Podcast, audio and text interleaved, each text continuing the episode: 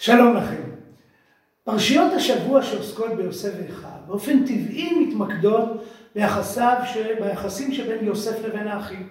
ובעיקר יהודה שבעצם ניגש אל יוסף ומעורר את הפתרון של הקונפליקט הגדול. אבל מתחת לפני השטח יש בעצם אולי גם מתח וניגוד בין ראובן לבין יהודה. בעצם יש שלושה בכורות או מנהיגים, בדיוק כמו שמופיע בדברי הימים. בספר דברי הימים אומרת, אומר הכתוב כך, ובני ראובן בכור ישראל. ראובן הוא הנולד הראשון והוא הבכור, כי הוא הבכור, אבל ובחללו אצל אביו ניתנה בכורתו. כלומר, ראובן הוא הבכור שמודח. למי ניתנה? לבני יוסף בן ישראל. אבל לא להתייחס אל הבכורה, כי יהודה גבר באחיו ולנגיד ממנו, והבכורה ליוסף. בעצם יש שלושה בכורות. ראובן הוא הבכור מבחינת סדר הלידה. יוסף הוא בכור אבל לא להנהגה. אולי הכוונה לה, אה, בעצם לנחלה, שהרי יוסף מקבל נחלה כפולה, את מנשה ואפרים, כפי שדיני הבכורה בספר דברים, ויהודה הוא הנגיד, הוא מקבל את הבכורה במובן של ההנהגה. בשיעורנו נעקוב אחרי ראובן ויהודה ונתחיל בפרשת השבוע שלנו, פרשת מקץ. כשהאחים חוזרים ממצרים, הם מדווחים ליעקב מה קרה.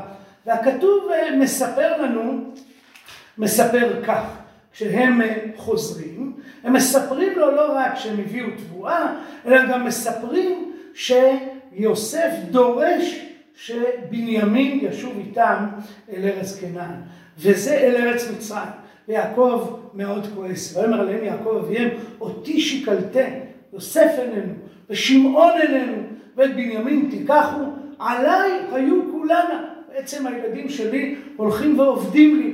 אני איבדתי את יוסף, עכשיו איבדתי את שמעון שנשאר במעצר אצל יוסף, ועכשיו גם אתם רוצים את בנימין, עליי היו כולנה.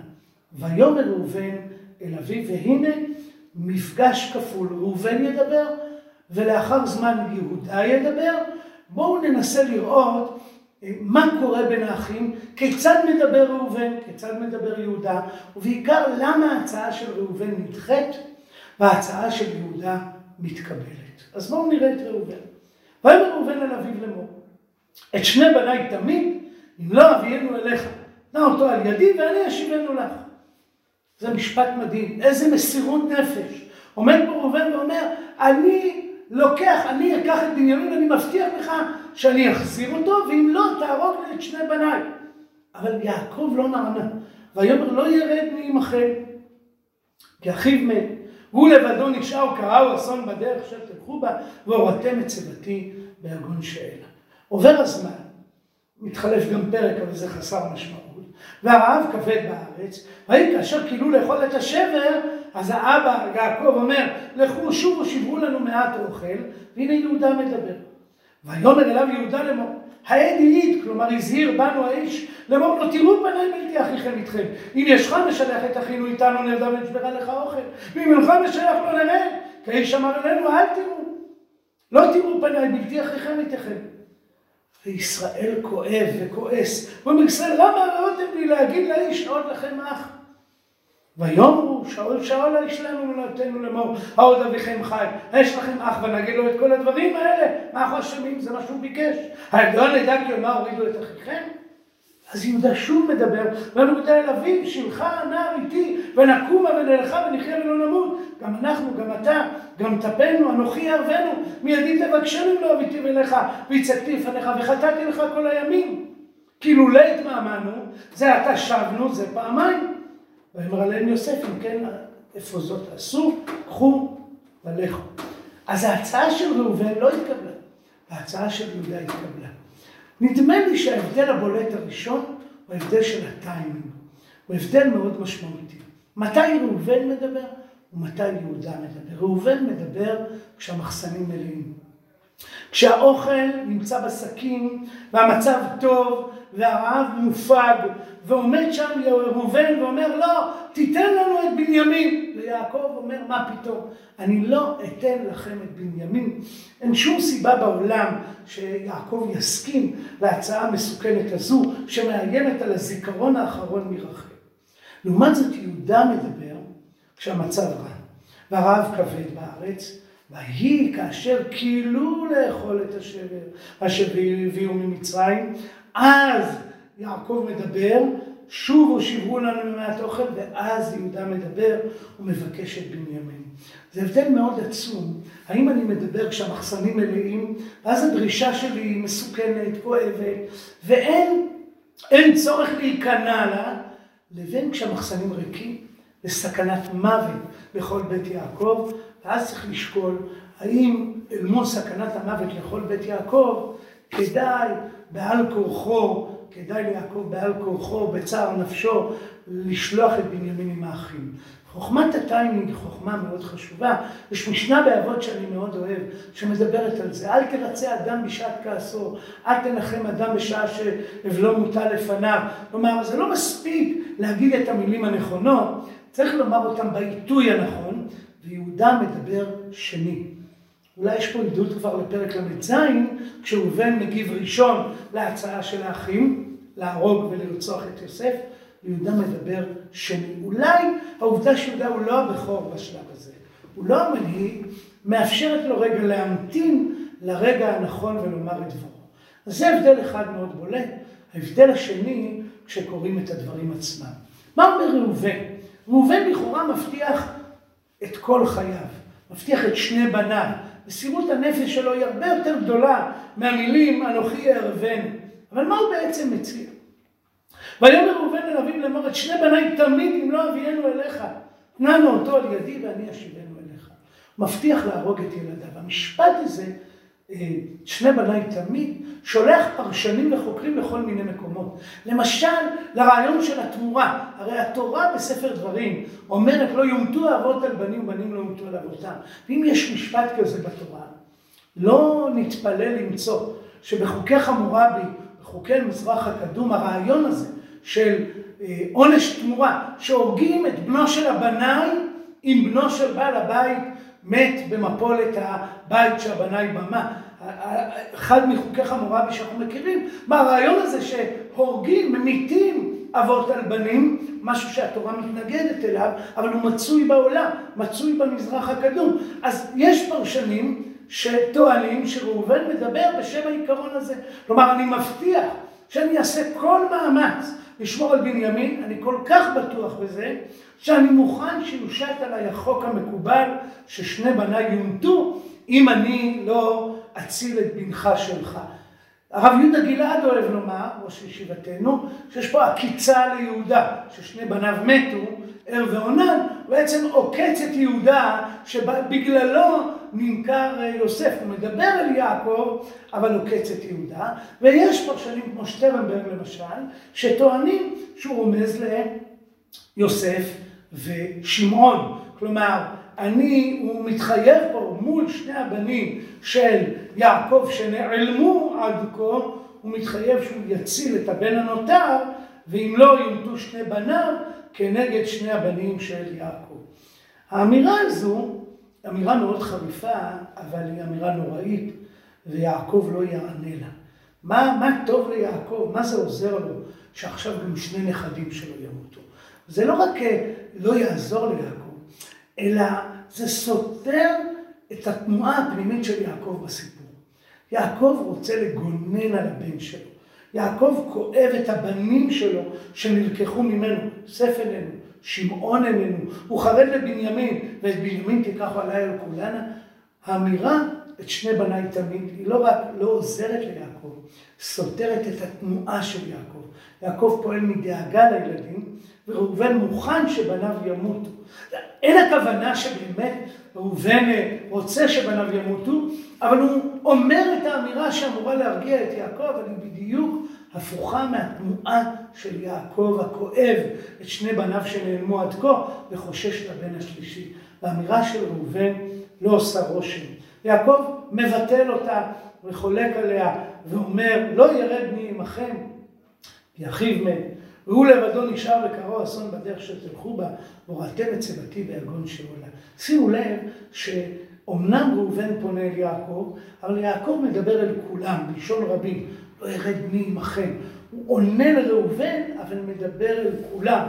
אולי בזה הוא שומר על כבודו של ראובן, אולי ראובן מייצג את האחים ולכן הוא מדבר אל כולם, אבל הצעתו של ראובן נדחה.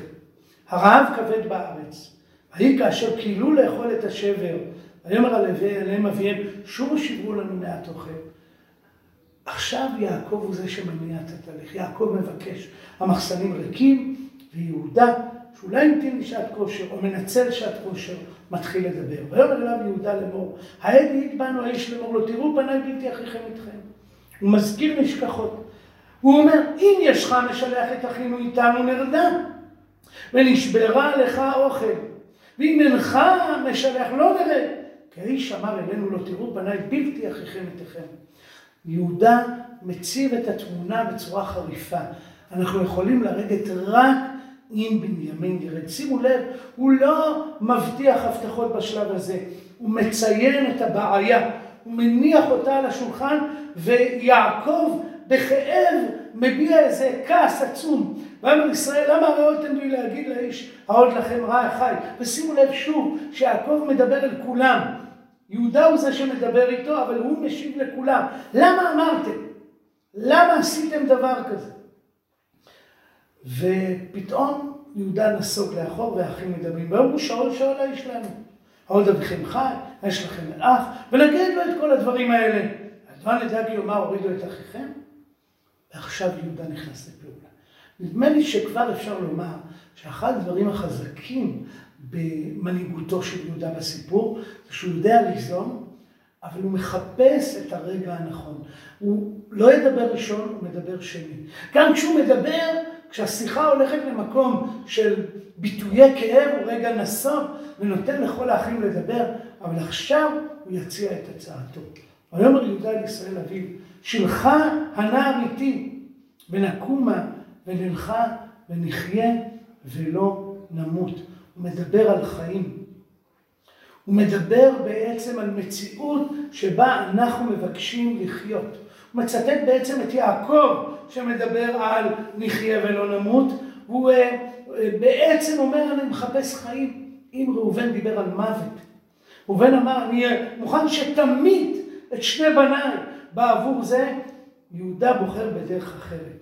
הוא מדבר על חיים. שלך הנער איתי ונקומה ונלכה ונחיה ולא נמות. גם אנחנו, גם אתה, גם טפנו.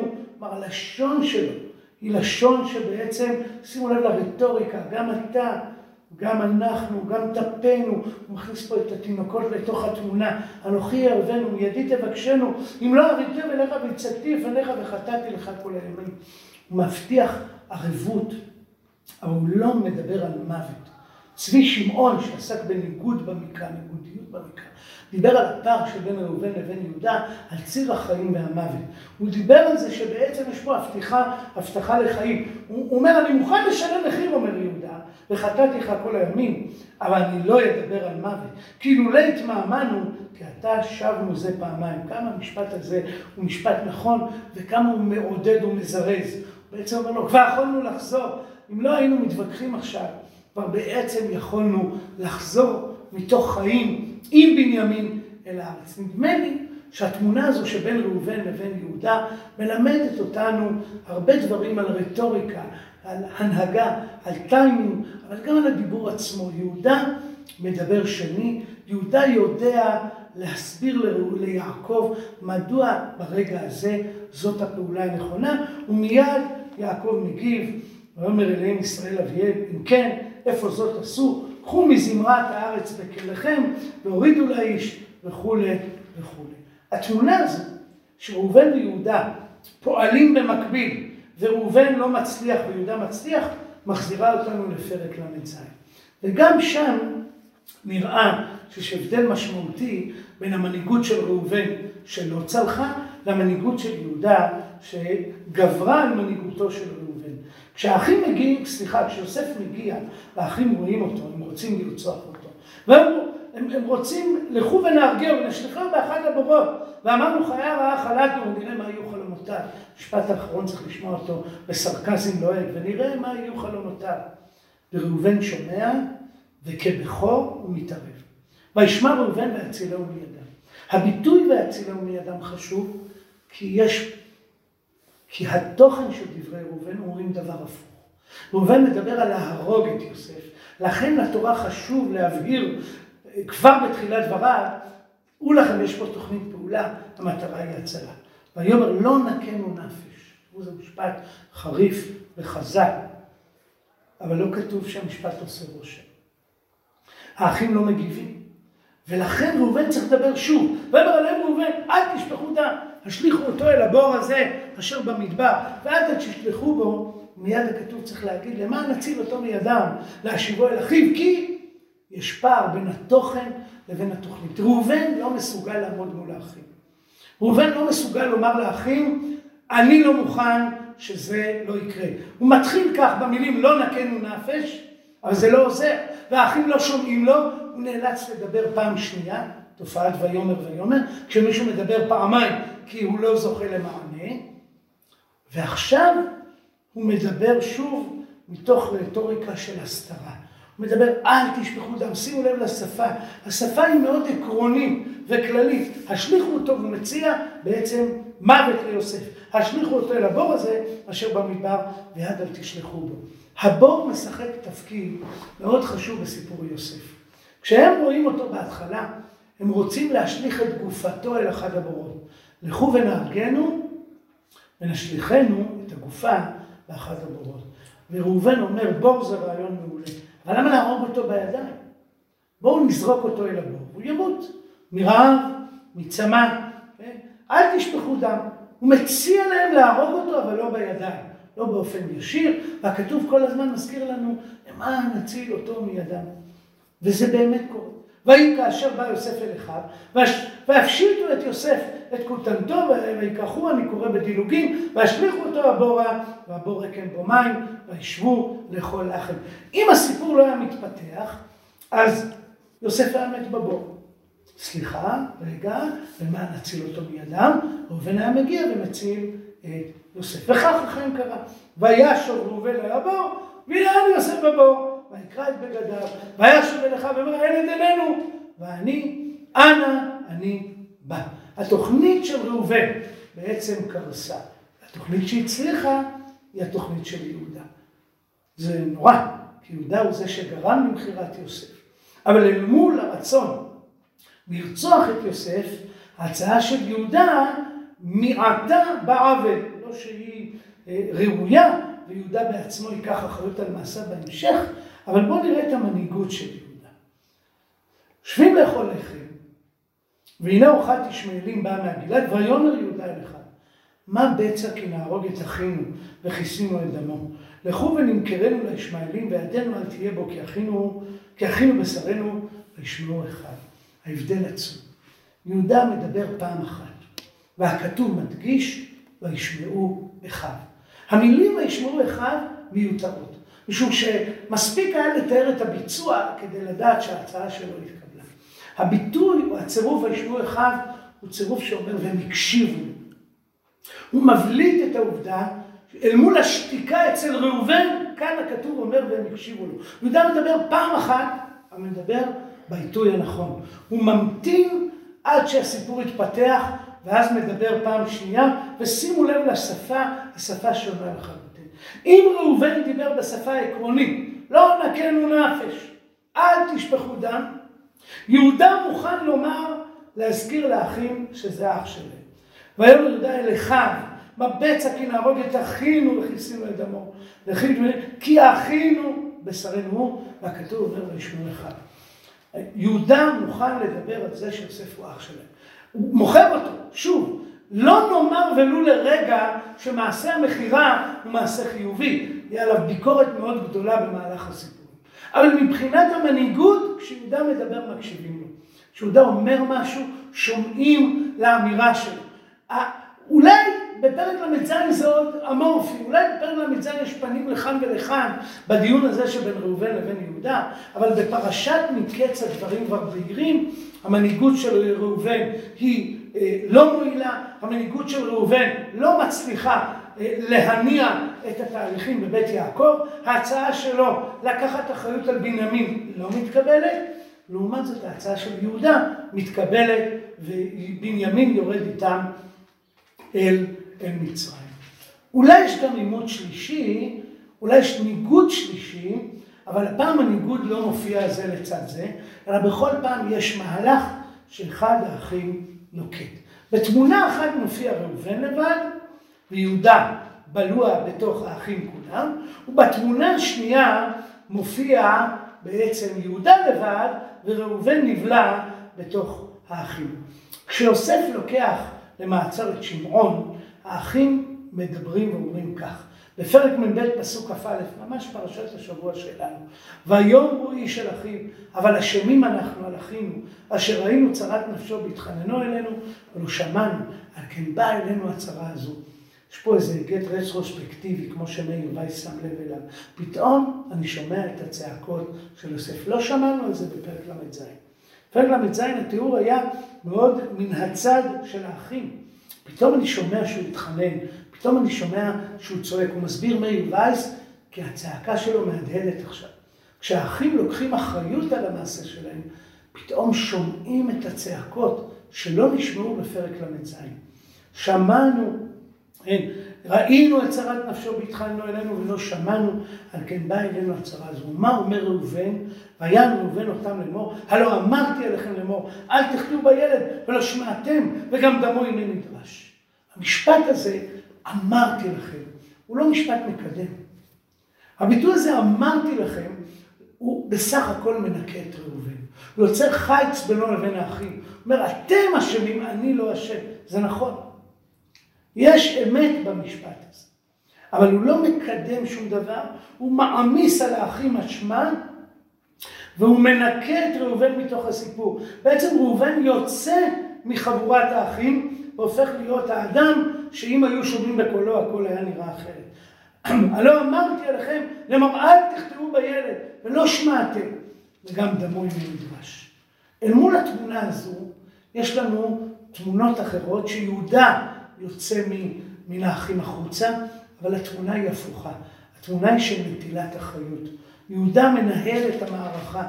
הוא מנהל אותה כבר כשהם חוזרים הביתה, כשמוצאים את הגביע, חוזרים אל בית יוסף, ויבוא יהודה ואחיו ביתה יוסף והוא עודנו ויפלו, ואז ויאמר יהודה, מה נאמר לאדוני, מה נדבר, מה נצטדק, הלא מצא, אלוהים מצא את העבדים, הננו עבדים לאדוני, ואחרי זה בויגש יהודה, שבו הוא נוטל אחריות מלאה על בנימין, עבדך הרב את הנער. במילה הרב מחזירה אותנו לסיפור יהודה ותמר, מחזירה אותנו אל הערבון. שני סיפורים שבהם יהודה לוקח אחריות. יהודה הוא לא מושלם. יהודה אינו מתואר במקרא כמנהיג שלם שאינו חוטא, אלא כמנהיג שלוקח אחריות, ויש פה אב טיפוס לשבט יהודה, שיבוא לידי ביטוי אצל דוד.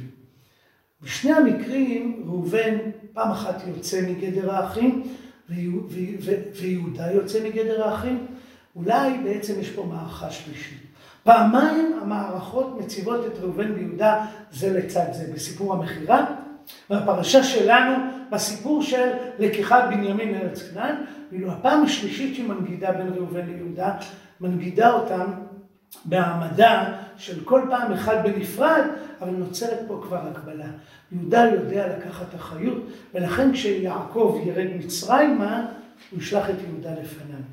אולי האמירה על ראובן פחז כמים, על וישכב את פילגשי אביו, מעידה שלראובן אין סבלנות. הוא מיד אומר, הוא לא יכול לחכות, בעוד שיהודה יודע להמתין. ההמתנה הזו היא לא רק טקטיקה של זמן, היא היכולת להקשיב לסיטואציה ולהבין מה נכון לעשות עכשיו. נדמה לי שהפרשה שלנו, שבעיקר עוסקת ביוסף ואחיו, שואלת מה זה מנהיג בעם ישראל. איך נראה מנהיג אל מול הציר של יהודה ויוסף? מציבה גם ציר אחר של יהודה מול ראובן, מסבירה לנו מדוע ראובן, שנולד ראשון, שהוא בכורו של יעקב, אינו השבט שלוקח את שבט ההנהגה, אלא דווקא יהודה, שיש בו כוחות מנהיגות איתנים וחזקים.